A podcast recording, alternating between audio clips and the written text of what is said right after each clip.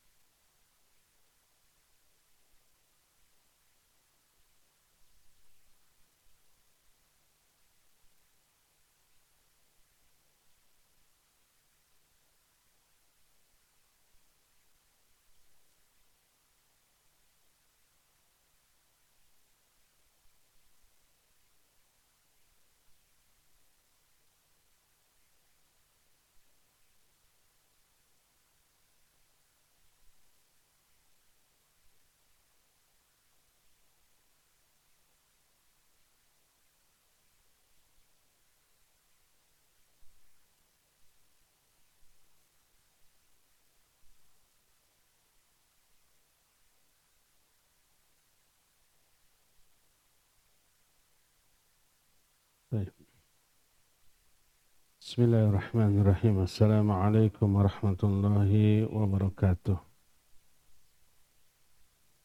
الحمد لله الذي بعث في الأميين رسولا منهم يتلو عليهم آياته ويزكيهم ويعلمهم الكتاب والحكمة وإن كانوا من قبل لفي ضلال مبين وأشهد أن لا إله إلا الله الملك الحق المبين وأشهد أن محمدا عبده ورسوله صادق الوعد الأمين. والصلاة والسلام على أشرف الأنبياء والمرسلين وعلى آله وأصحابه أجمعين ومن تبعهم بإحسان إلى يوم الدين. وبعد. Hadirin jamaah Masjid Agung Al-Ukhwah Bandung yang Allah muliakan para pendengar radio Tarbiyah Sunnah Bandung para pendengar radio Roja di beberapa kota dan radio-radio lain para pemirsa Roja TV Rabbani TV, Niaga TV dan beberapa TV lain juga para netizen di mana saja Anda berada. Kita kembali berjumpa membahas kitab Mukhtasar Ma'arijul Qabul kita sedang bahas rukun iman yang kelima, iman kepada hari akhir. Yang sudah kita bahaslah iman kepada tanda-tanda kiamat. Terakhir yang kita bahas adalah Ya'juj dan Ma'juj. Kita teruskan poin yang kedua. Termasuk di antara iman kepada hari akhir adalah Al-imanu bil maut. Iman kepada adanya kematian. Tidak beriman kepada hari akhir orang yang tidak meyakini adanya kematian. Iman kepada kematian mencakup lima poin. Poin yang pertama adalah meyakini bahwa semua makhluk yang bernyawa di muka bumi ini akan mati. Baik manusia, jin, binatang, termasuk para malaikat. Penghuni langit ataupun penghuni bumi. Allah berfirman dalam Al-Quran surah Al-Qasas ayat 88 Kullu syai'in halikun illa wajhah Segala sesuatu akan binasa. Kecuali wajah Allah. Berkata Imam Ibn Hajar Al-Asqalani rahimahullah kitab Fathul Bari Syarah Sahih Bukhari. Ketika menerangkan ayat ini bahwa yang dimaksud illa wajhah maknanya illa dal wajhi kecuali sang pemilik wajah maksudnya Allah azza wa jalla yang menunjukkan Allah punya wajah memiliki wajah tapi wajah Allah laisa kamitslihi syai'un tidak ada yang menyerupai di kalangan makhluknya. Makhluk dengan makhluk aja wajahnya beda. Manusia dengan binatang, binatang dengan sesama binatang, wajahnya juga sudah berbeda. Apalagi dengan para malaikat. Apalagi khaliq dengan makhluk. Laisa kamithlihi syai'un. Jangan diingkari Allah punya wajah. Dengan alasan kalau Allah punya wajah serupa dong dengan makhluk. Balikan. Kalau Allah nggak punya wajah, apa nggak serupa dengan makhluk? Ada makhluk yang tidak berwajah? Banyak. Lebih hina. Bukan begitu cara memahami sifat Allah. Wajib kita yakini sebagaimana Allah jelaskan tapi wajib kita yakini sifat Allah tidak sama dengan sifat makhluknya dari segi hakikat dan kaifiat. Ayat ini menjelaskan kullu syai'in halikun illa wajhah. Segala sesuatu akan binasa kecuali sang pemilik wajah yaitu Allah Azza wa Jalla. Jadi wajib diyakini semua makhluk pasti akan binasa. Satu-satu yang tidak binasa adalah Allah subhanahu wa ta'ala. Ini poin yang pertama. Poin yang kedua, wa minha anna kullan lahu ajalun mahdudun la yatajawazuhu wa la yaqsuru an.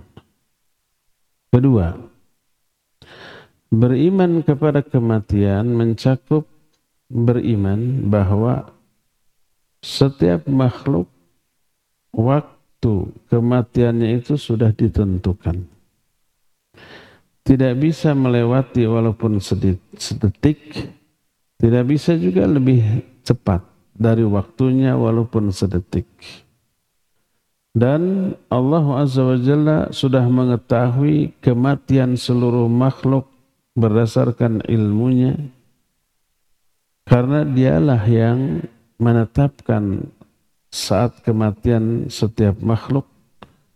Dan Allah telah catatkan semua kematian seluruh makhluk itu atas perintah Allah Azza wa Jalla ketika pertama kali Allah menciptakan al-qalam. Al-qalam itu pena. Inna awwala ma khalaqallahu qalam. Orang ah yang makhluk yang pertama kali diciptakan qalam, pena. Kemudian Allah berfirman kepada si qalam ini uktub. Tulis olehmu. Dia menjawab, "Famadza aktub?" Apa yang harus saya tulis? Maka uktub kulla syai'in hatta qiyamisa. Segala sesuatu yang akan terjadi sampai kiamat termasuk saat kematian setiap makhluk sudah dicatatkan lalu catatan ini tidak hanya satu lima kali pencatatan Nanti ini akan dibahas lebih detail dalam bab takdir rukun iman yang keenam. Salah satunya dicatat ketika si bayi dikandung oleh ibunya usia kandungannya empat bulan. Maka diutus satu malaikat dicatat empat hal tentang diri orang itu. Termasuk di antara ajalnya. Kapan dia akan mati. Empat hal itu adalah ajalnya, amalnya, rizkinya, suka dukanya. Bahagia atau sengsaranya. Ya. Jadi dicatat, dicatat di lahul mahfud. Dicatat juga disebut catatan umri. Maksud catatan umri itu seumur hidup masing-masing orang. Empat hal yang akan teralami oleh masing-masing orang sudah dicatatkan. Ketika orang itu masih dikandung oleh ibunya usia kandungan empat bulan. Catatan ini menginduk kepada catatan di lauhul mahfud. Tidak mungkin berbeda. Tidak mungkin tidak sama, pasti sama. Ya. Nah, Allah catatkan dan setiap orang saat kematiannya, tempat kematiannya, penyebab kematiannya sudah ditetapkan. Apakah orang itu mati karena dibunuh baik sengaja ataupun tidak sengaja? atau karena terbakar, atau karena tenggelam, atau karena penyakit, atau karena apa pun. Sudah ditetapkan segala hal yang berkaitan dengan kematiannya. Tidak bisa telat dari waktunya, tidak bisa lebih cepat dari waktunya, walaupun sedetik. sedetik. Termasuk penyebab kematian dia pun adalah bagian yang sudah Allah takdirkan untuknya. Maka semua orang tidak bisa menghindar, semua orang tidak bisa mensiasati, mengundurkan atau menginginkan lebih cepat dari waktunya. Sekalipun dia berusaha untuk itu.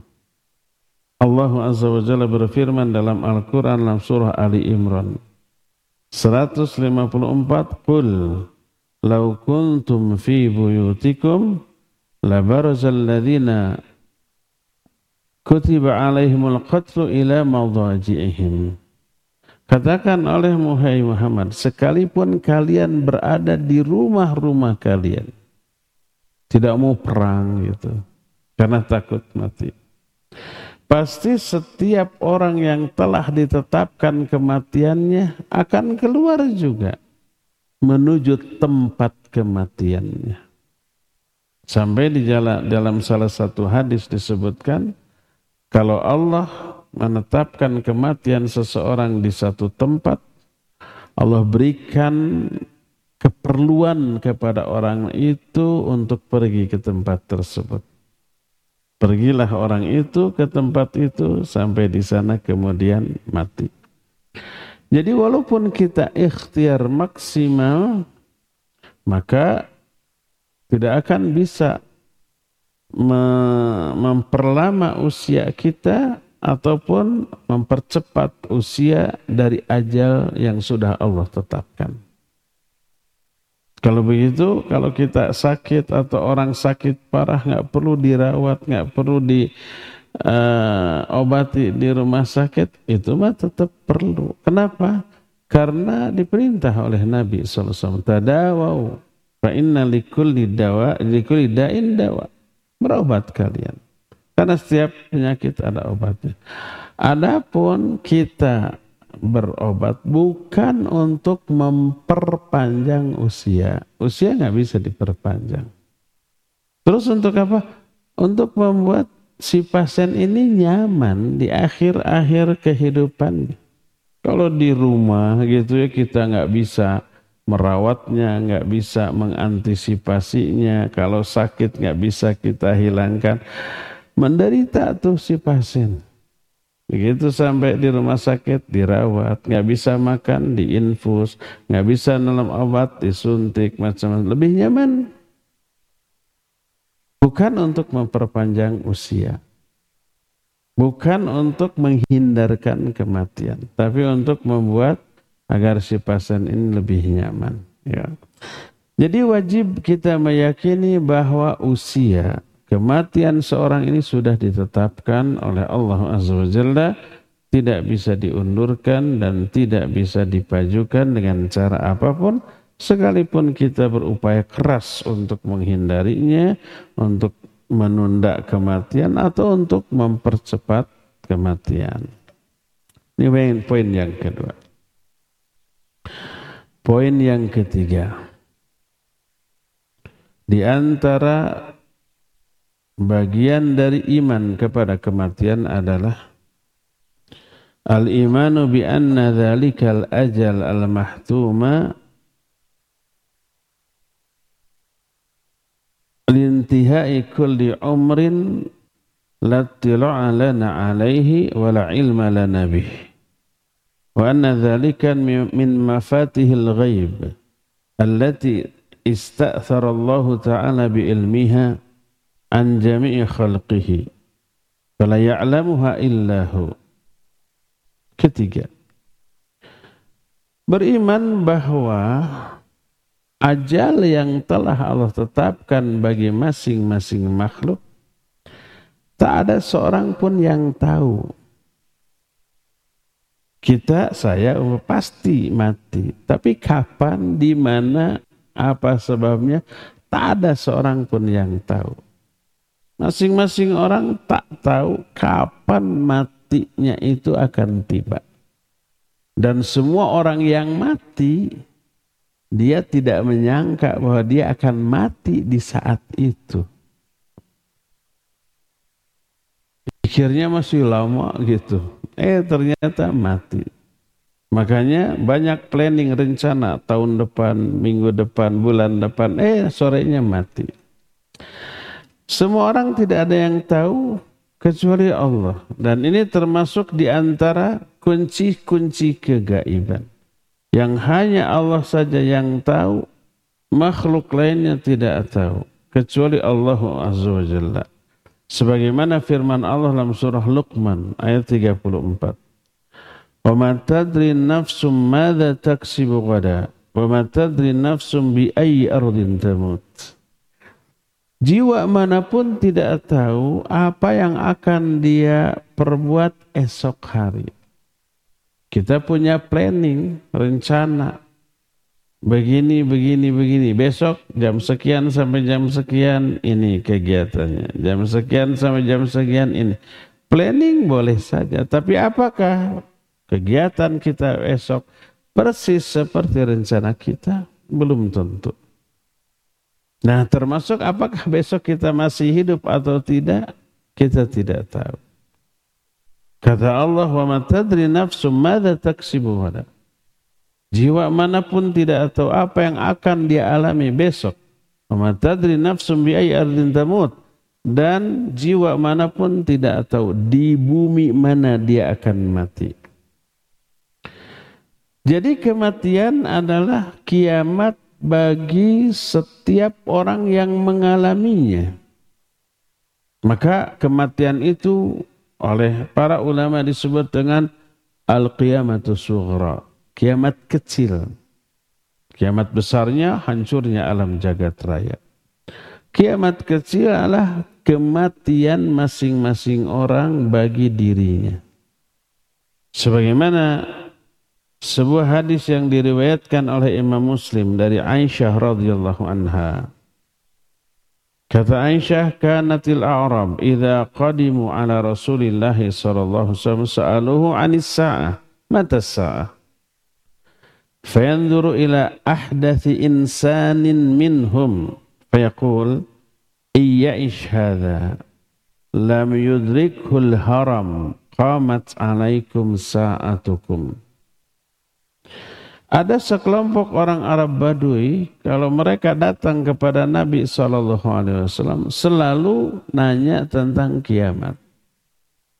Kapan kiamat itu datang? Lalu Nabi SAW melihat kepada orang yang paling muda di antara mereka. mungkin masih pemuda atau ABG atau bahkan anak-anak. Lalu Nabi SAW menyatakan, kalau anak ini hidup panjang, anak ini tidak akan dulu mengalami kepikunan sampai datang kiamat kepada masing-masing kalian.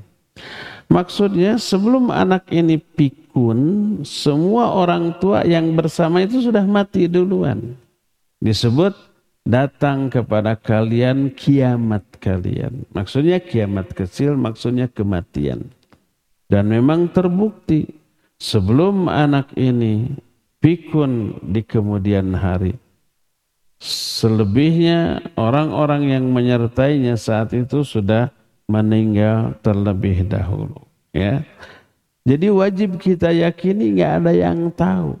Kalau ada yang meramalkan kamu usiamu akan dua minggu lagi, wajib dibohongkan gombal. Bohong, nggak ada yang tahu kematian kita. Walaupun umpamanya kita di anak uh, didiagnosis oleh dokter punya penyakit yang super parah. Jantung yang umpamanya sudah super parah. Kata dokter akhir jantung, paling 2-3 bulan lagi Anda bertahan. Jangan dipercaya.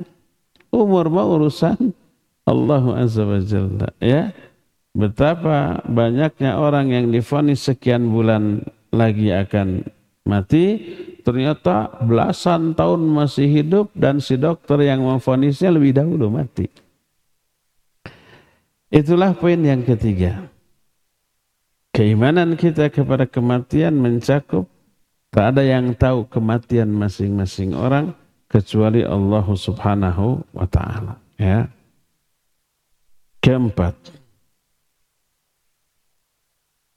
Ini yang lebih penting daripada tiga poin yang sebelumnya. Wa minha dzikrul 'abdi lil maut wa ja'alahu 'ala balih Beriman kepada kematian mencakup sering-sering mengingat kematian. Jangan hanya meyakini ya kita akan mati, tapi banyak dilalaikan, banyak diabaikan. Sering-seringlah mengingat kematian ini. Sebagaimana sabda Nabi SAW, Akthiru dhikra hadhi min ladzat, yakni al-maut. Perbanyak oleh kalian mengingat-ingat penghancur seluruh kelezatan, yaitu maut. Nah di sini diriwayatkan oleh Imam At-Tirmidzi, An-Nasai dan Imam Ibn Hibban dalam dan Imam Ibn Hibban mensahihkan hadis ini diterima dari Abu Hurairah radhiyallahu an. Dalam Sahih Bukhari berkata Ibnu Umar radhiyallahu anhuma akhadha Rasul sallallahu alaihi wasallam bimankibayya faqala kun fid dunya ka'annaka gharibun aw 'abir sabil Suatu saat Nabi SAW memegang kedua pundakku. Lalu berkata jadilah kamu hidup di dunia seolah-olah kamu ini orang asing atau hanya sekedar lewat di dunia ini kita orang asing bukan penduduk asli. Sekedar lewat dunia ini pasti akan kita tinggalkan. Asal kita dari mana? Dari surga. Ketika Adam Hawa diciptakan kata Allah gimana? Uskun anta wa zaujukal jannah. Tetaplah tinggallah kamu beserta istrimu di surga. Itu tempat asal kita. Karena kesalahan yang dilakukan oleh nenek moyang kita, kita dihukum oleh Allah. Diturunkan ke muka bumi. Untuk menjalani hukuman itu tuh. Tak heran kalau sebenarnya bumi ini ibarat penjara bagi kita. Tempat menjalani hukuman.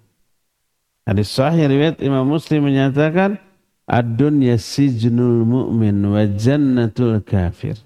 Dunia ini penjara bagi orang-orang mukmin, tapi surga bagi orang-orang kafir. Jadi kita hidup di dunia ini untuk menjalani hukuman karena kesalahan nenek moyang kita dahulu. Jangan sampai dianggap sebagai tempat menetap selama-lamanya. Kita akan tinggalkan orang asing dan hanya sekedar berlalu. Maka wasiat Nabi SAW kepada Ibnu Umar ini lalu ditanggapi direspon oleh Ibnu Umar. Dia menyatakan idza amsaitu idza amsaita fala tantari sabah wa idza asbahta fala tantadiril masa wa khudh min sihatika limaradik wa min hayatika limautik.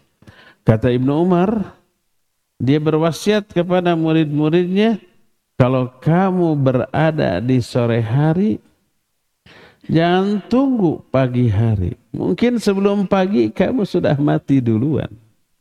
Kalau kamu berada di pagi hari, jangan tunggu sore hari. Mungkin sebelum sore kamu sudah mati duluan. Jadi persiapkan pagimu, siangmu, soremu menghadapi kematian yang mungkin datang secara mendadak. Khudh min sihatika limarodik. Manfaatkan masa sehatmu untuk menghadapi masa sakitmu. Manfaatkan masa hidupmu untuk menghadapi saat-saat kematianmu. Ketika sehat, Isi dengan hal yang bermanfaat, ibadah, amal soleh, melakukan kebaikan, jauhi dosa dan maksiat. Nanti kalau sudah sakit, semua itu nggak bisa lagi dilakukan. Ibadah amal soleh tidak bisa dilakukan secara maksimal. Ketika sakit, sholat tapi sambil berbaring. Pas Ramadan tiba sakit, nggak bisa saum. Nanti ditunda sampai sehat atau mungkin bayar fidyah. Apalagi yang sunnah-sunnah tidak bisa lagi dilaksanakan. Oleh karena itu, perbanyak mengingat-ingat kematian. Ya. Ini poin yang keempat. Poin yang kelima. Dan ini maksud inti dari beriman kepada kematian wa minha wa huwal maqsudul له at-ta'ahub lahu qabla nuzulih. Wa isti'dadu lima ba'dahu qabla husulih. Wal mubadaratu bil amali salihi sa'yun nafi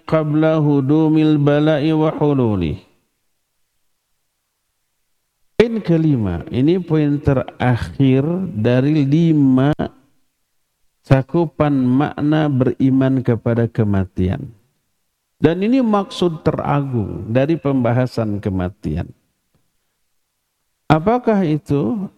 Kalau iman kepada kematian, maka wajib mempersiapkan diri untuk menghadapinya. Prepare, persiapkan seluruh bekal yang dibutuhkannya bersegera melakukan amal soleh, aktivitas yang pasti bermanfaat setelah kematian kita. Sebelum kematian itu mendatangi kita. Karena apa? Karena tak ada lagi kesempatan untuk menambah kebaikan atau mengurangi dosa bila kematian itu keburu mendatangi kita. Kita ini ibarat memiliki tabungan dan memiliki hutang.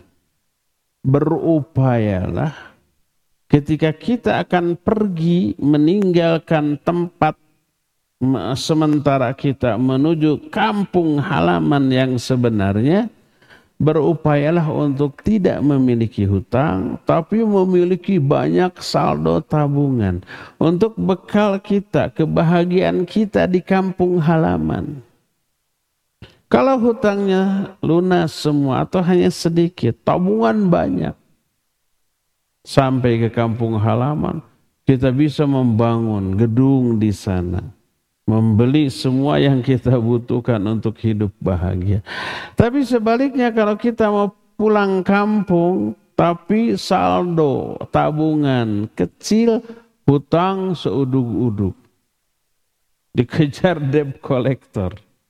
Kadang-kadang tidak sampai ke kampung halaman kita dikejar, kita dipukuli babak belur, dipidana, dipenjara. Nggak sampai ke kampung halaman, sengsara di tengah jalan.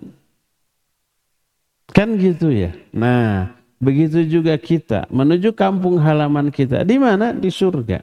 Karena dari sanalah kita berasal. Kita harus banyak saldo. Saldo apa? Pahala dan harus memperba, mempersedikit bahkan kalau bisa nol minus hutang. Hutang itu apa? Dosa. Upayakan pulang ke kampung halaman tanpa membawa dosa tapi membawa pahala yang sangat banyak. Maka dijamin akan berbahagia di akhirat nanti. Karena apa? Dosa ini penyebab azab. Pahala ini menentukan level tempat tinggal kita di surga. Berkata Imam Ibnu Hajar, raf'atud darajat li kathrati thawab. Ketinggian derajat itu disebabkan karena banyaknya pahala. Makanya sering pahala ini oleh ayat, oleh hadis diungkapkan dengan istilah darajat. Darajat itu level, tingkatan di surga nanti. Dan ditentukan oleh banyak sedikitnya pahala. Berkata Nabi SAW, Innal muslimal musaddad bihusni khuluqihi yudrikud darajata sawamil qawam. Seorang muslim yang musaddad. Musaddad itu simpel. Musaddad itu hanya yang wajib saja. Yang sunnahnya banyak ditinggalkan.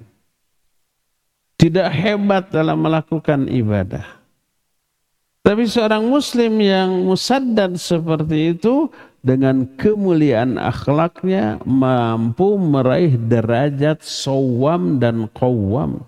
Sawam itu ahli saum sunnah. Qawam itu ahli tahajud. Ahli ibadah di malam hari. Jadi walaupun dia tidak tahajud, tidak saum sunnah, tapi karena akhlaknya mulia, sederajat. Dengan ahli tahajud dan ahli saum sunnah. Diungkapkan dengan istilah derajat. Dan itu disebabkan karena banyaknya pahala. Yang dilahirkan dari kemuliaan akhlak seorang muslim yang musaddad. Jadi pahala menentukan level kita di surga, dosa ini menentukan kita terkena azab apa tidak. Kalau ternyata dosa kita terbawa sampai akhirat beresiko kena azab. Makanya hilangkan. Jangan bawa ini dosa ketika mati. Tobati atau apa pun namanya. Makanya ini yang Allah suruhkan. Wasari'u ila maghfiratim min rabbikum wa jannatin arduha samawatu wal ardu U'iddat lil muttaqin. Bersegeralah kalian menuju ampunan Allah agar dosa ini habis dan menuju surga yang luasnya seluas langit dan bumi disiapkan bagi orang-orang yang bertakwa. Siapa yang dosanya bersih, dia selamat dari api neraka. Siapa yang saldo pahalnya banyak, dia masuk ke surga. Level surganya tergantung saldo pahalanya. Siapa yang sudah selamat dari api neraka karena tak ada dosa, dan sudah dimasukkan ke dalam surga dialah orang yang sukses dalam hidupnya. Faman zuhziha anin nar wa udkhilal jannah faqad faza.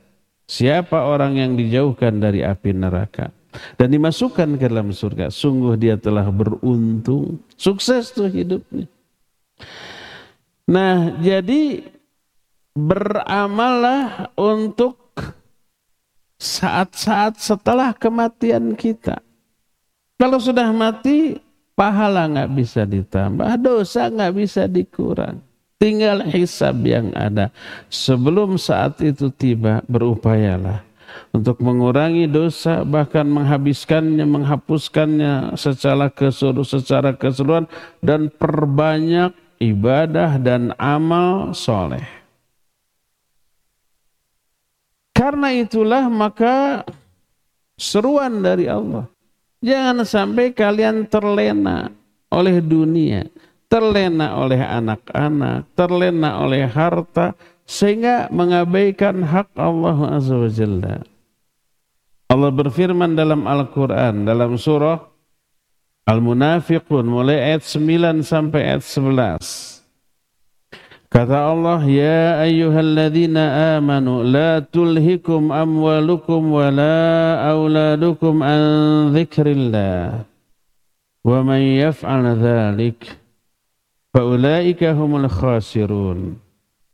Anfiqu mimma razaqnakum min qabli an ya'ti ahadakumul maut. فيقول رب لولا أخرتني إلى أجل قريب فأصدق وأكن من الصالحين ولا يؤخر الله نفسا إذا جاء أجلها والله خبير بما تعملون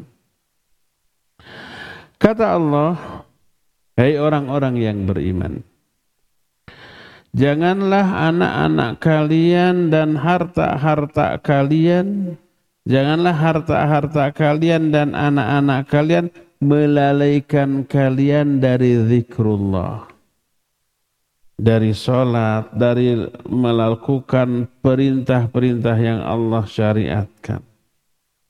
Dan ini aja sudah banyak dilanggar. Banyak orang demi kerja, sholat ditunda-tunda. Demi mencari cuan, mencari rupiah, mencari dolar, Salat sudah diabaikan dengan beragam bentuk pengabaian.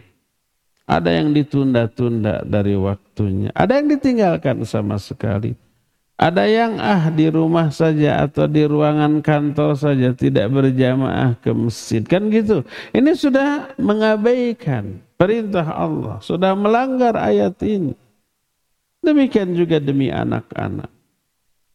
Allah menyatakan jangan sampai harta kalian, anak-anak kalian melalaikan kalian dari zikrullah. Lalu Allah ancam. Wa may yaf'al dzalik fa ulaika humul khasirun. Siapa yang melakukan itu? Siapa yang melalaikan hak Allah karena harta dan anak-anak, dia pasti rugi. Fa ulaika humul khasirun. Jadi pertama ada larangan, jangan sampai kalian dilalaikan oleh dunia, oleh harta dan anak-anak. Kedua ada perintah, agar kalian selamat nanti di akhirat. Kata Allah, dan berinfaklah kalian dari sebagian yang kami rizkikan kepada kalian. Infak itu tidak seluruh harta, tidak setengah harta tidak seperempat harta, sebagian kecil. Yang wajibnya kalau sampai nisab dan haul cuma dua setengah persen, satu per empat puluh dari harta kita itu kecil gitu. Tidak semuanya. Kata Allah infakkan sebagian rizki yang kami berikan kepada kalian sebelum datang kematian min qabli ayati ahadakumul maut sebelum datang kematian kepada kalian. Lalu kalian berkata rabbi laula akhartani ila ajalin qarib. Ya Allah kenapa tidak engkau tunda sebentar aja lagi kematian ini? Dia minta ditunda. Untuk apa? Fa'as-saddaqa wa aku minas solin. Aku akan bersodakoh dan aku akan menjadi orang yang soleh. Ketika menjelaskan ayat ini Ibnu Abbas radhiyallahu anhu berkata, yang dimaksud fa'as aku akan zakat infak sedekah wa aku minas solihin maksudnya aku akan berhaji atau berumroh. Ketika sehat, banyak uang, kesempatan haji dan umroh banyak dan dia sudah terkena kewajiban, lalai. Pertimbangannya apa? Ya dunialah pasti.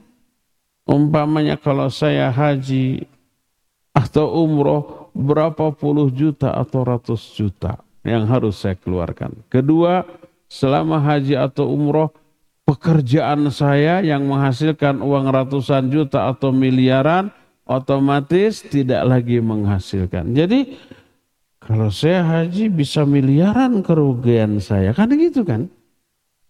Akhirnya sayang dia dengan hartanya. Akhirnya tidak.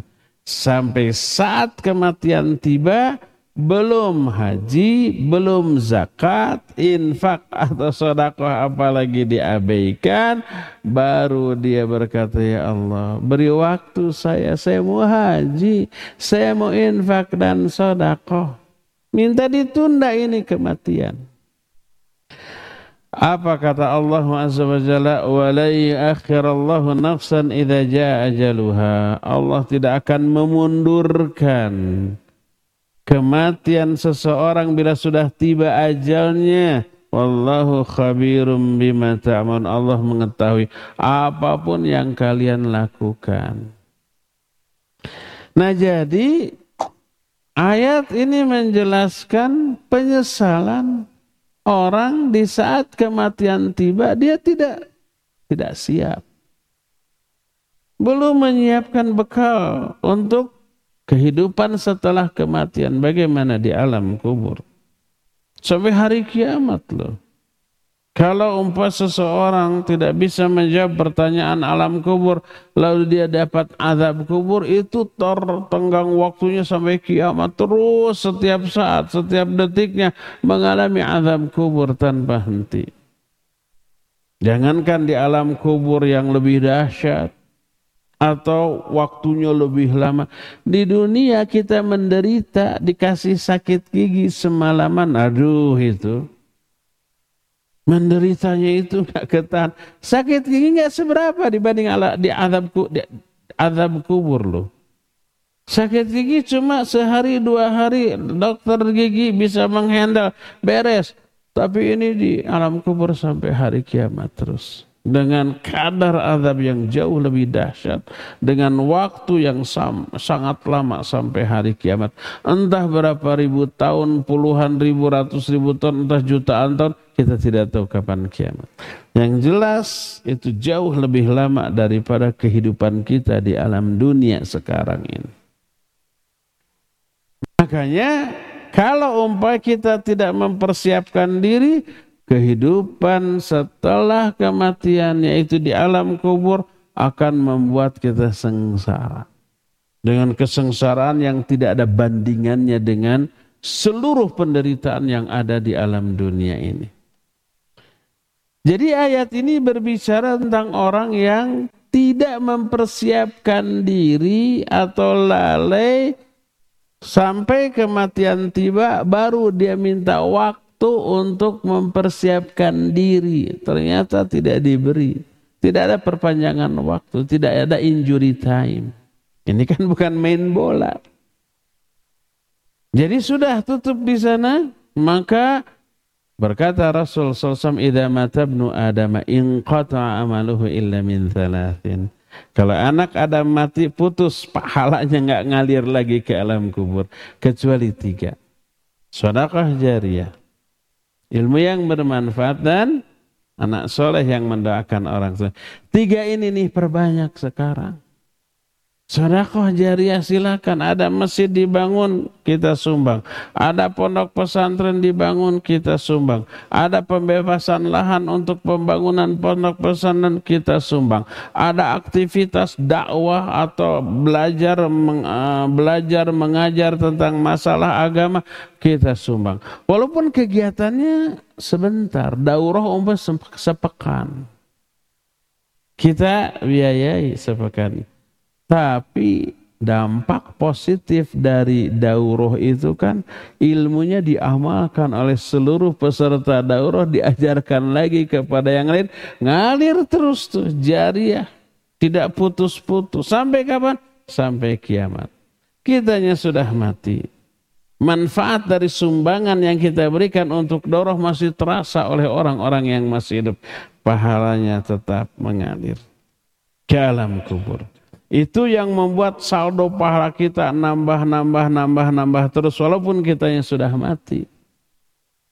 Berdasarkan hal itu, poin yang kelima dari beriman kepada kematian yang paling agung dari semuanya adalah mempersiapkan diri menghadapi kematian. Dalam bentuk memperbanyak ibadah, amal soleh, kebaikan-kebaikan, menjauhi dosa-dosa, maksiat-maksiat, semua penyebab turunnya murka dan azab Allah kita jauhi, maka kita akan terkena dengan seruan tadi, bersegeralah kalian menuju ampunan Allah dan menuju surga. Siapa orang yang sudah diselamatkan dari api neraka dan dimasukkan ke dalam surga, sungguh orang itu telah berbahagia. Kita akan sampai ke kampung halaman surga, tempat awal kita hidup ditempati oleh nenek moyang kita Adam dan Hawa di sana. Pulangnya juga harus ke sana. Jangan tersesat. Jangan mampir dulu ke neraka, apalagi selama-selamanya di neraka. Nggak sampai kita ke kampung halaman, nggak jadi mudik ke tempat ternyaman. Hmm, ini bahaya.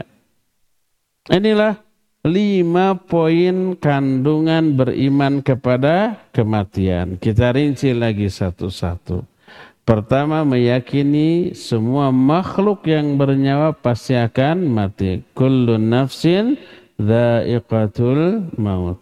Kullu man 'alaiha fan wa yabqa wajhu rabbika dzul jalali wal ikram. Jadi semua makhluk yang ada di muka bumi akan musnah akan fana.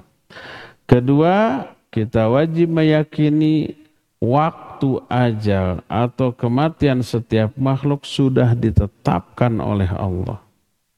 Tidak bisa dipundurkan walaupun sesaat, tidak bisa dipajukan walaupun sedetik. Termasuk juga sudah ditetapkan tempatnya, tidak hanya waktu, tempatnya, momennya, penyebabnya, itu semuanya sudah Allah takdirkan. Ini poin yang kedua. Poin yang ketiga, walaupun semua orang sudah ditetapkan waktunya, tapi waktu kematian seseorang hanya Allah yang tahu. Siapa pun tidak tahu kapan kematian orang tersebut ya.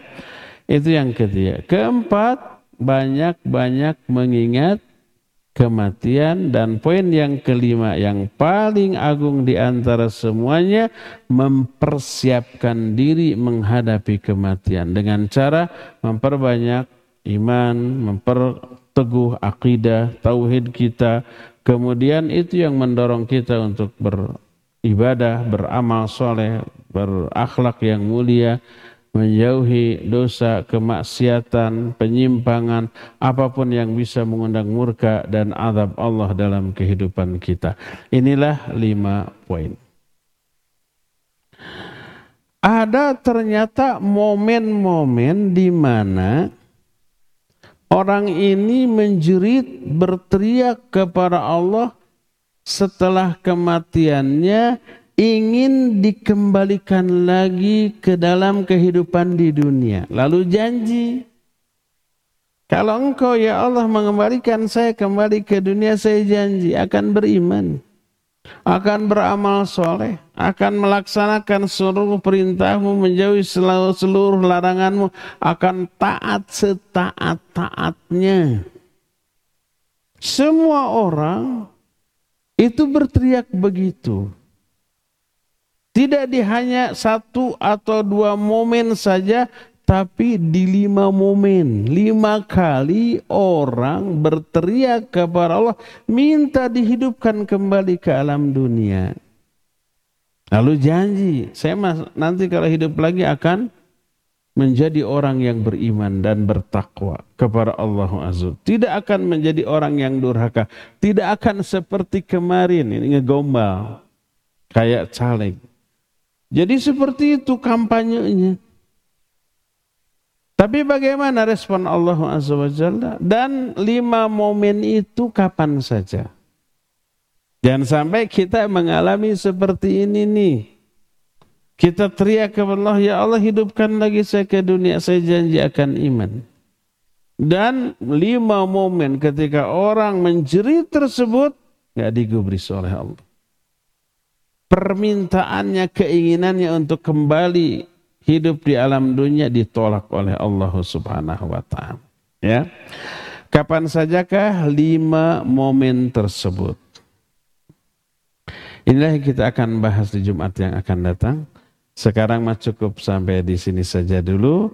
Dan kita masih punya sisa waktu untuk bertanya jawab kepada Abu Lukman di eh, studio radio dan TV Roja Cilengsi dipersilakan untuk memandu tanya jawab dengan pendengar dan pemirsa wa sallallahu ala nabiyina Muhammadin wa ala alihi wa ashabi wassalam. Silakan.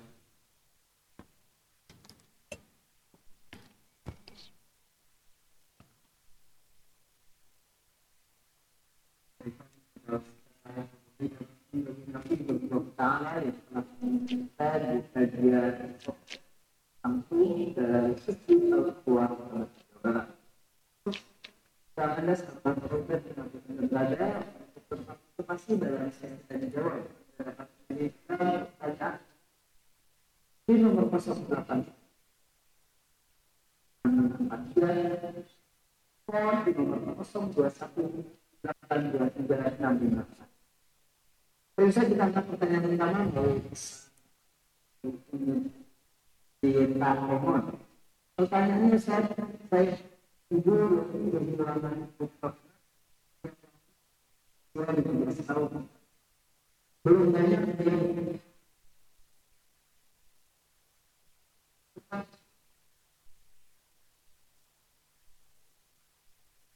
putus-putus kirim ke WA eh. Iya. Salah satu ibu tadi bertanya bahwa beliau pernah ditinggal mati oleh anaknya ketika usianya 12 tahunan gitu ya. Mana WA-nya? Setelah itu terputus.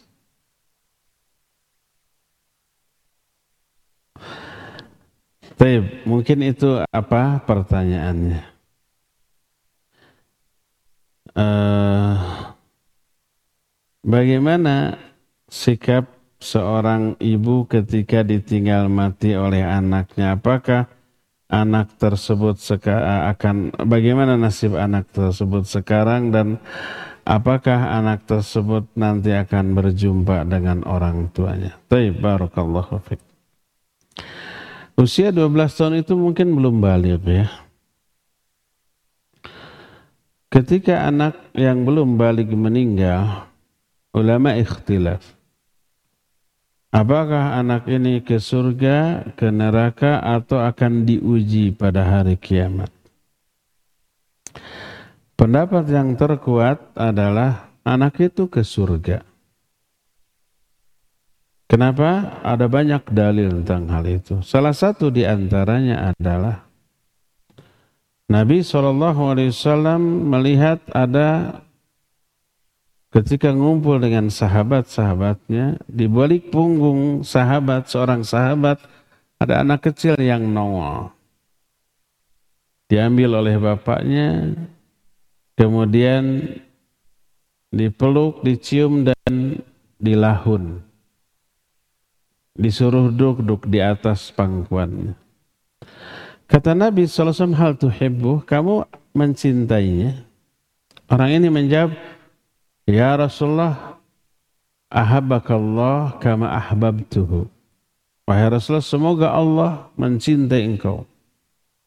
Seperti aku mencintai anakku ini. Ini menunjukkan cinta dia kepada anaknya ini luar biasa besar. Esoknya kembali berkumpul, sahabat yang kemarin itu tidak kelihatan. Ditanya mana sahabat kemarin? Kata para sahabat, ya Rasulullah anak yang kau lihat kemarin itu meninggal. Bapaknya sedih sekarang. Lalu Nabi SAW langsung berdiri, langsung pergi bermaksud takziah kepada sahabat yang ditinggal mati anaknya tersebut. Sampai di tempat orangnya sedang berduka, bersedih. Ditinggal mati oleh anak yang dicintainya, belum balik. Apa kata Rasul SAW? Ayyuhuma ahabbu ilaiki. Mana yang lebih kamu sukai? Tentang anakmu. Apakah kamu lebih suka anakmu panjang umurnya dan kamu bisa bercengkrama dengan dia seumur hidupnya? Atau anakmu pergi mendahuluimu dan menunggumu di pintu surga untuk kemudian membawamu masuk ke dalam surga? Mana yang lebih kamu sukai? Dua pilihan tuh. Orang ini menjawab, ya Rasulullah kalau anakku mendahului aku, menungguku di pintu surga, kemudian menuntunku masuk ke dalam surga, itu lebih aku sukai daripada anakku panjang umur. Kalau panjang umur nggak ada jaminan masuk surga ya. Nggak ada jaminan anak itu akan soleh. Nggak ada jaminan anak ini akan lucu terus. Kan enggaknya lucu teh satu dua tahun tuh. Sudah empat tahun ke atas mah sudah main sama anak-anak pika sebelen. Nah jadi dia bilang biarlah anakku mendahuluiku menungguku di pintu surga kemudian menuntunku masuk ke dalam surga. Itu lebih aku suka. Apa kata beliau? demikianlah anakmu sekarang menunggumu di pintu surga kelak menuntunku menuntunmu masuk ke dalam surga para sahabat mendengar itu lalu bertanya ya Rasulullah alahul khasah aulikullina wahai Rasulullah apakah ini untuk dia saja atau berlaku untuk semua kita? Beliau menjawab bal likullikum. Ini berlaku untuk kalian semua. Siapa saja di kalangan seorang mumin yang ditinggal mati oleh anak yang belum balik, maka dia akan menjadi hijab antara dia dengan api neraka. Dimasukkan ke dalam surga menuntun orang tuanya masuk ke dalam surga. Ini menghibur apa tidak? Menghibur. Dari hadis ini para ulama menyatakan kalau si anak bisa menjadi penghalang orang tuanya dari api neraka, anak yang mati ketika belum balik, bahkan bisa menuntun anaknya ke dalam surga, menunjukkan anaknya itu sendiri sudah lebih dahulu selamat dari api neraka dan masuk ke dalam surga, bahkan dia yang menuntun orang tuanya ke dalam surga. Hadis ini menghibur setiap orang tua yang pernah mengalami ditinggal mati oleh anak yang masih kecil ya.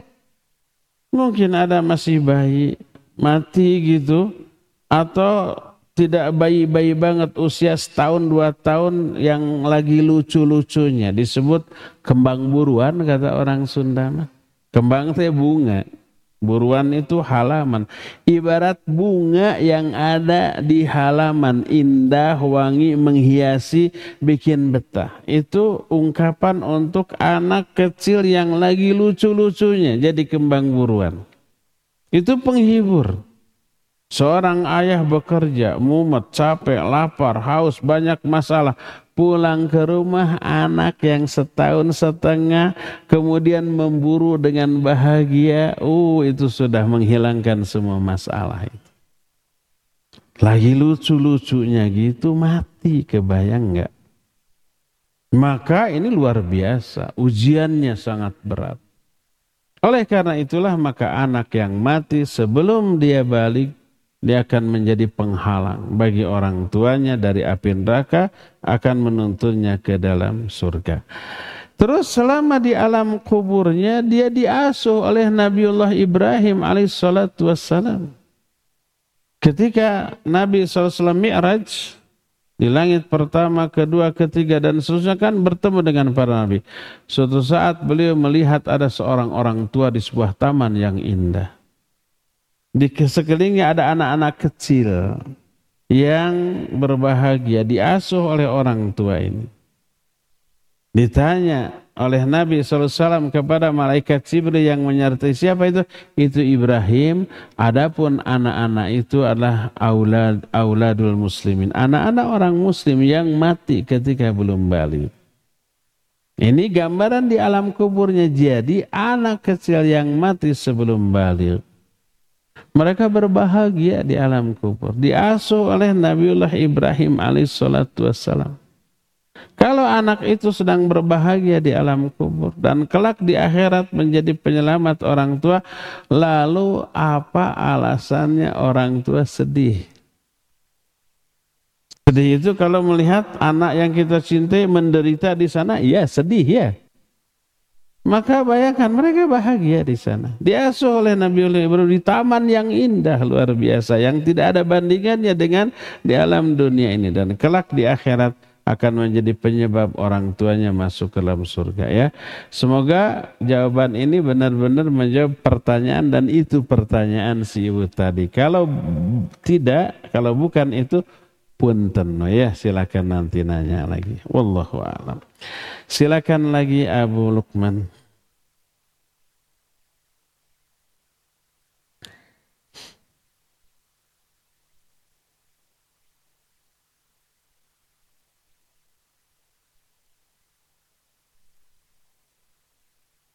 yang belum terjawab dilakukan lalu tetapi meninggal setelah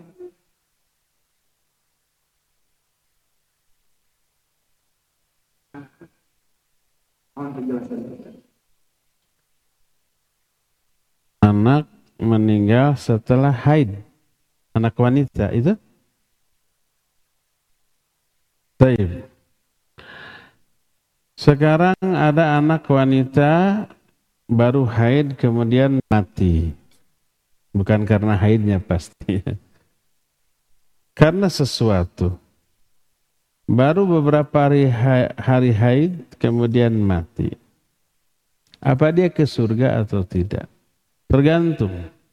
Setelah dia haid sampai saat kematiannya, apa yang dia lakukan? Amal soleh atau amal salah? taat atau maksiat. Kalau ternyata saat-saat setelah haid sampai dia mati, walaupun dua tiga hari, langsung oleh ibunya itu didik, kamu sudah haid, ayo sholat yang benar, ayo baca Quran yang rajin, ayo saum sunnah Senin Kamis, ayo terus dibimbing untuk melakukan ibadah amal, terus mati baru tiga empat hari. Maka itu yang akan dihisab. Tapi kalau setelah wanita itu haid, oleh ibunya dibiarkan, waktu sholat dibiarkan masih bermain, tidak diingatkan. Anak juga sudah terbiasa dilalaikan sejak sebelum haidnya. Mau adhan, mau tidak, cuek saja, tidak sholat. Ya, sampai dia mati dari sejak haid sampai kepada kematian dia dia melalaikan ibadah yang wajib, sholatnya dilalaikan, ditunda atau tidak dilaksanakan sama sekali ya. Seluruh waktu hidupnya hanya untuk main-main karena dianggap masih anak-anak. Terus mati itu juga yang akan dihisab. Tapi kalau hanya beberapa hari, dua tiga hari setelah haid kemudian dia mati terus melakukan dosa, mungkin lebih ringan enteng karena baru tuh dua tiga hari gitu ya, belum begitu banyak dosanya ya. Semoga hisabnya juga enteng dan ringan dan ini warning untuk orang tuanya. Begitu anak balik haid cepat-cepat tanamkan lebih disiplin daripada sebelum dia haid. Sejak sebelum dia haid, dia sudah dididik. Sholat tidak pernah lewat. Terus baca Al-Quran, terus menghafalkan Al-Quran, menghafalkan doa-doa harian. Sejak sebelum balik. Pas haid sudah terbiasa. Maka itu akan menjadi pahala bagi anaknya, pahala juga bagi orang tuanya. Wallahu a'lam. Silakan lagi.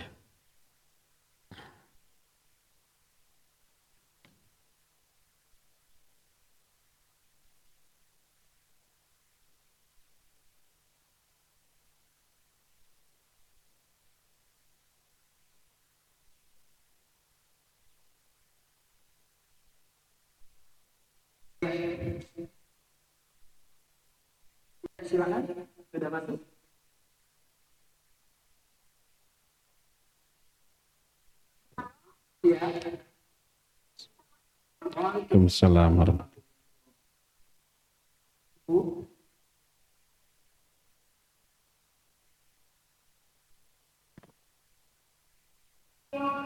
Baik, mohon dipersilakan terlebih dahulu kalau istrinya itu untuk melalui pesawat. Baik, silakan.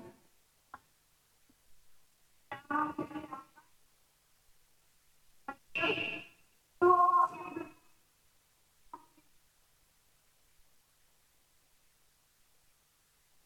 Assalamualaikum Bisa diulang Adir pertanyaannya?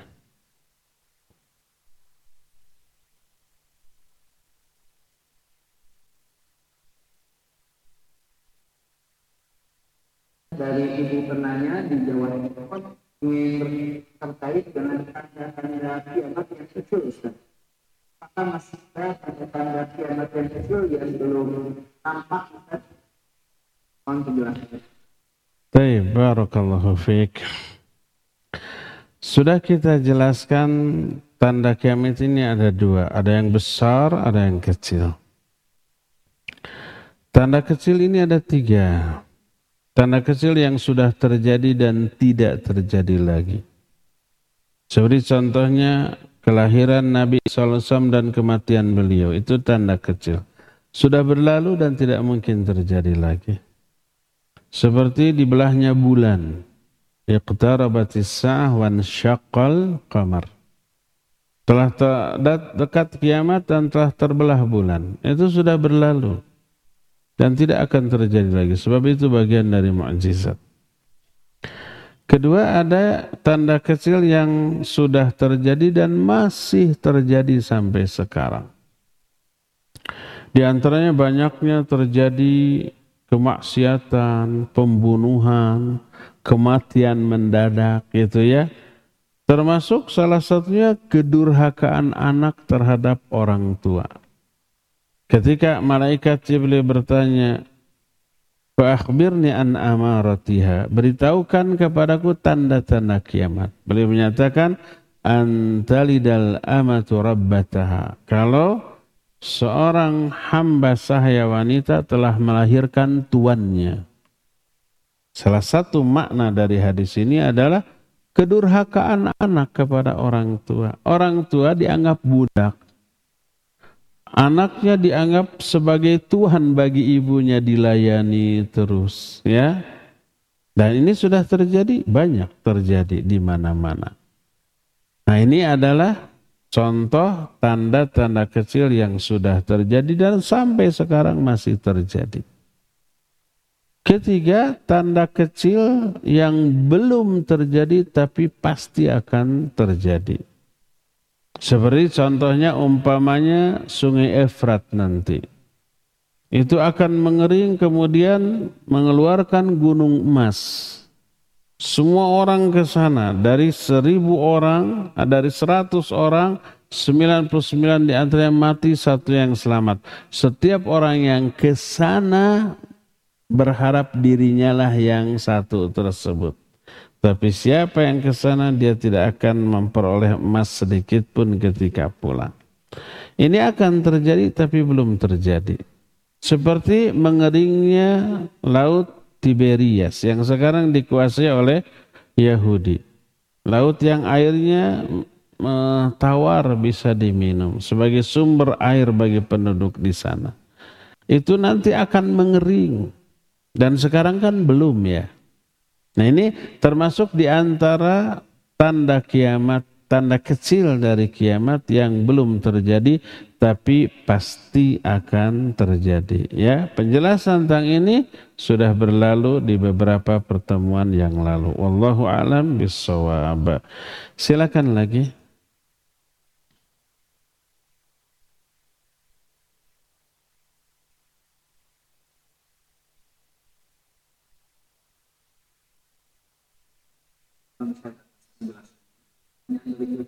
Dari nomor dua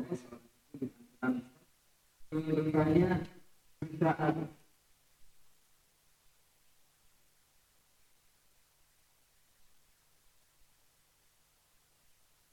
Halo Adiar bisa diulang? Putus nih.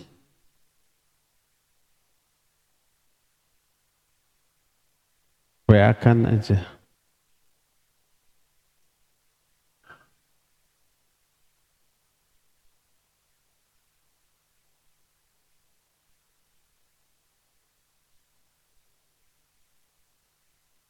aja teknisi.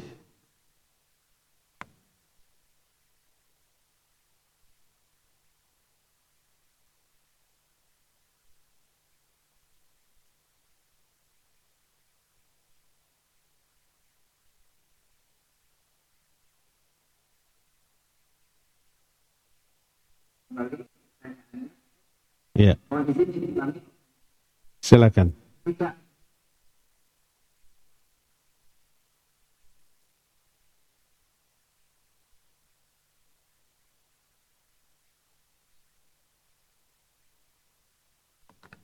aja.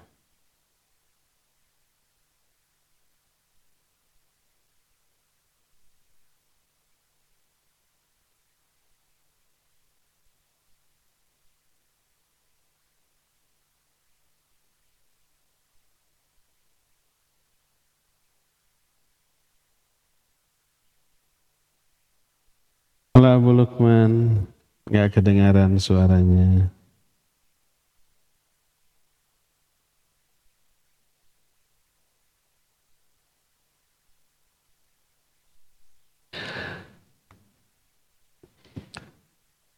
Kalau putus sudah di ini aja, apa namanya? Jamaah dari sini aja. Kalau ada yang mau bertanya, ngacung dipersilahkan. Nanti kalau nyambung lagi atau WA silakan. Ada yang mau bertanya, Cung?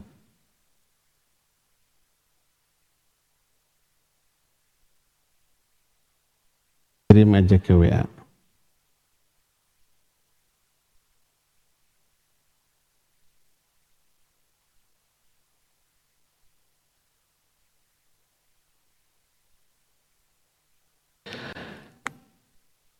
Ada yang mau bertanya? Tutup di belakang tuh.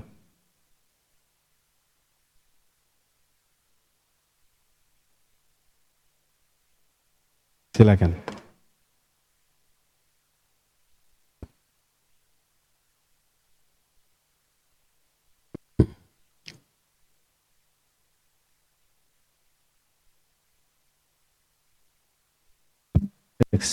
Bismillah. Apakah di setiap kematian itu manusia mengalami sakaratul maut? Dan bagaimana dengan kejadian orang yang meninggal, katakanlah tabrakan maut, mati seketika, apakah itu juga mengalami sakaratul maut? Jazakallahu khairan. Baik, barakallahu fiq wa jazakallahu khairan. Sakaratul maut ada. Dijelaskan oleh Allah dalam Al-Quran. Diterangkan oleh Nabi SAW dalam hadis yang sahih. Al-Quran di antaranya umpah surah Qaf. Waja'at sakratul maut bil haqq. Zalika ma kunta minhu tahid. Datanglah sakaratul maut. Dengan sebenarnya. Itulah yang selalu kalian hindari.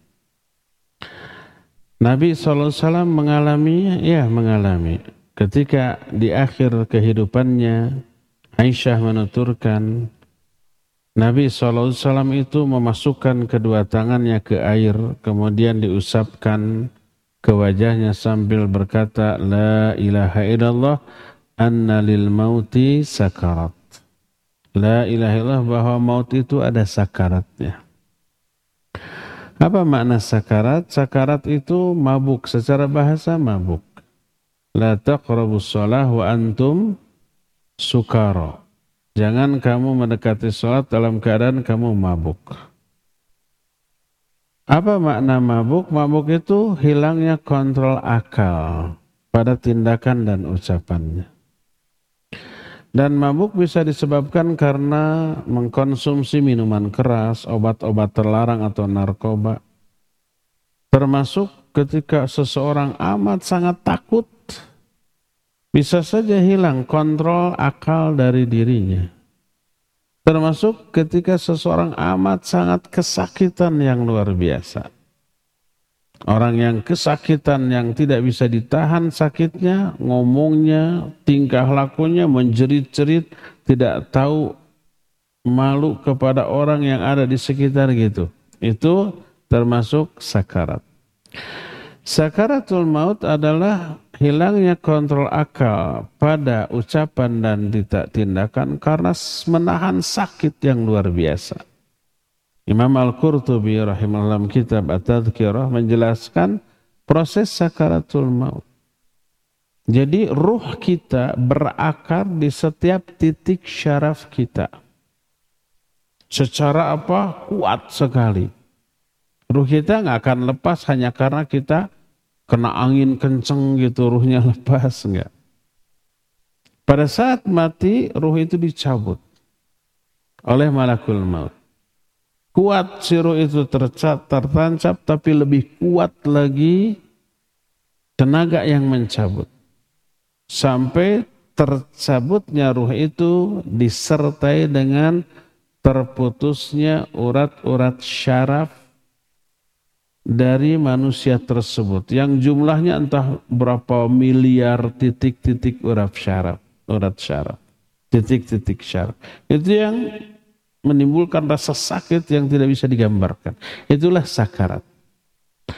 Pada diri orang-orang kafir ditambah dengan dipukuli wajah dan punggungnya oleh malaikat. Allah menyatakan, Walau tara idh yatawaffal ladhina kafarul malaikatu yadribuna wujuhahum wa adbarahum wa dhuku ala azabal hariq. Seandainya engkau melihat, hai Muhammad, ketika para malaikat mewafatkan orang-orang kafir, mereka memukuli wajah-wajah dan punggung-punggung mereka sambil membentak, rasakan oleh kalian azab yang membakar ini. Jadi intinya sakaratul maut ada. Tapi apakah setiap orang mengalami sakaratul maut? Umumnya begitu. Ada yang dikecualikan? Ada dengan pertimbangan tertentu. Sulit atau tidaknya kematian seorang, menderita atau tidaknya orang ketika akan mati, tidak menjadi indikasi soleh atau durhakanya dia. Ada kalanya orang durhaka kematiannya enteng ringan. Ada kalanya orang beriman soleh kematiannya berat termasuk Nabi SAW. Termasuk para sahabat, sebagian sahabat. Termasuk para ulama. ya Ada kematiannya berat. Kenapa? Penderitaan sakaratul maut itu menggugurkan dosa yang sangat banyak. Sesuai dengan kadar penderitaannya. Makin banyak, makin menderita, makin banyak dosa yang gugur. Sehingga apabila Allah Azza wa Jalla mau mematikan seorang mukmin yang Allah cintai, tapi ada dosa yang tersisa yang belum ditobati. Allah tidak ingin orang ini menghadap Allah dengan membawa dosa tersebut, akhirnya diberikan penderitaan ketika syakaratul maut. Menderita dia, maka itu menggugurkan dosa sehingga menghadap kepada Allah dalam keadaan bersih dari dosa. Sebaliknya ada orang kafir dia melakukan banyak kebaikan ketika di dunianya. Allah balas dengan balasan duniawi. Diberi harta, diberi kesehatan, diberi jabatan, kekuasaan, pangkat atau yang sejenisnya. Dibalas di dunia.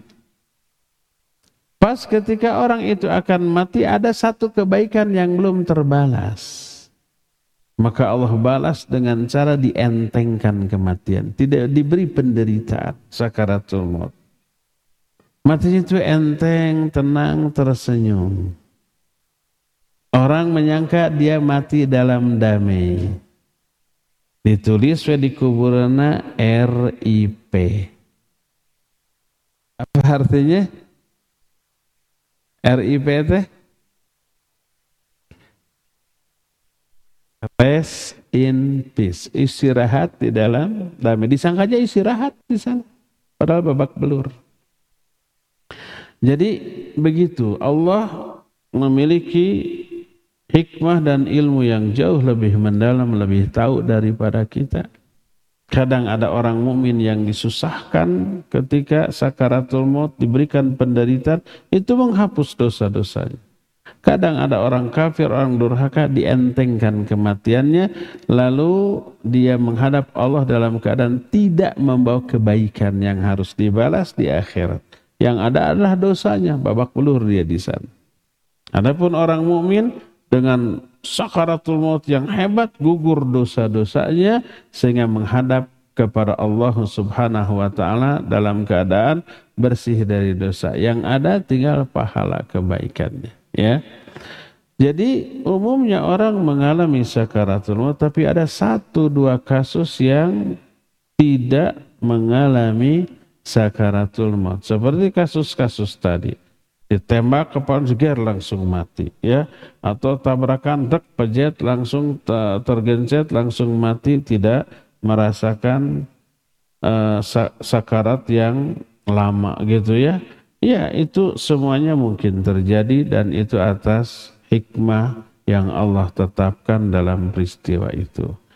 Cukup ya sampai di sini waktunya sudah habis insyaallah semoga di pertemuan yang akan datang urusan komunikasi dengan roja ini bisa diperbaiki dan semoga Allah mempertemukan kembali kita di masa yang akan datang.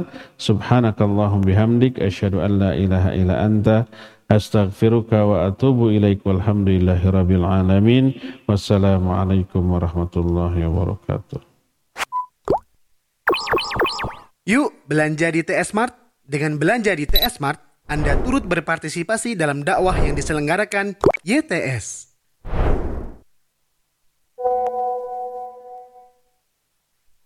Download aplikasi Tarbiyah Sunnah di handphone Anda.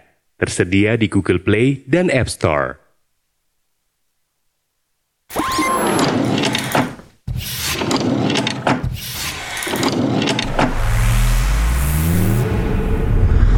Tarbiyah Sunnah Channel lillah, nyunnah, merenah.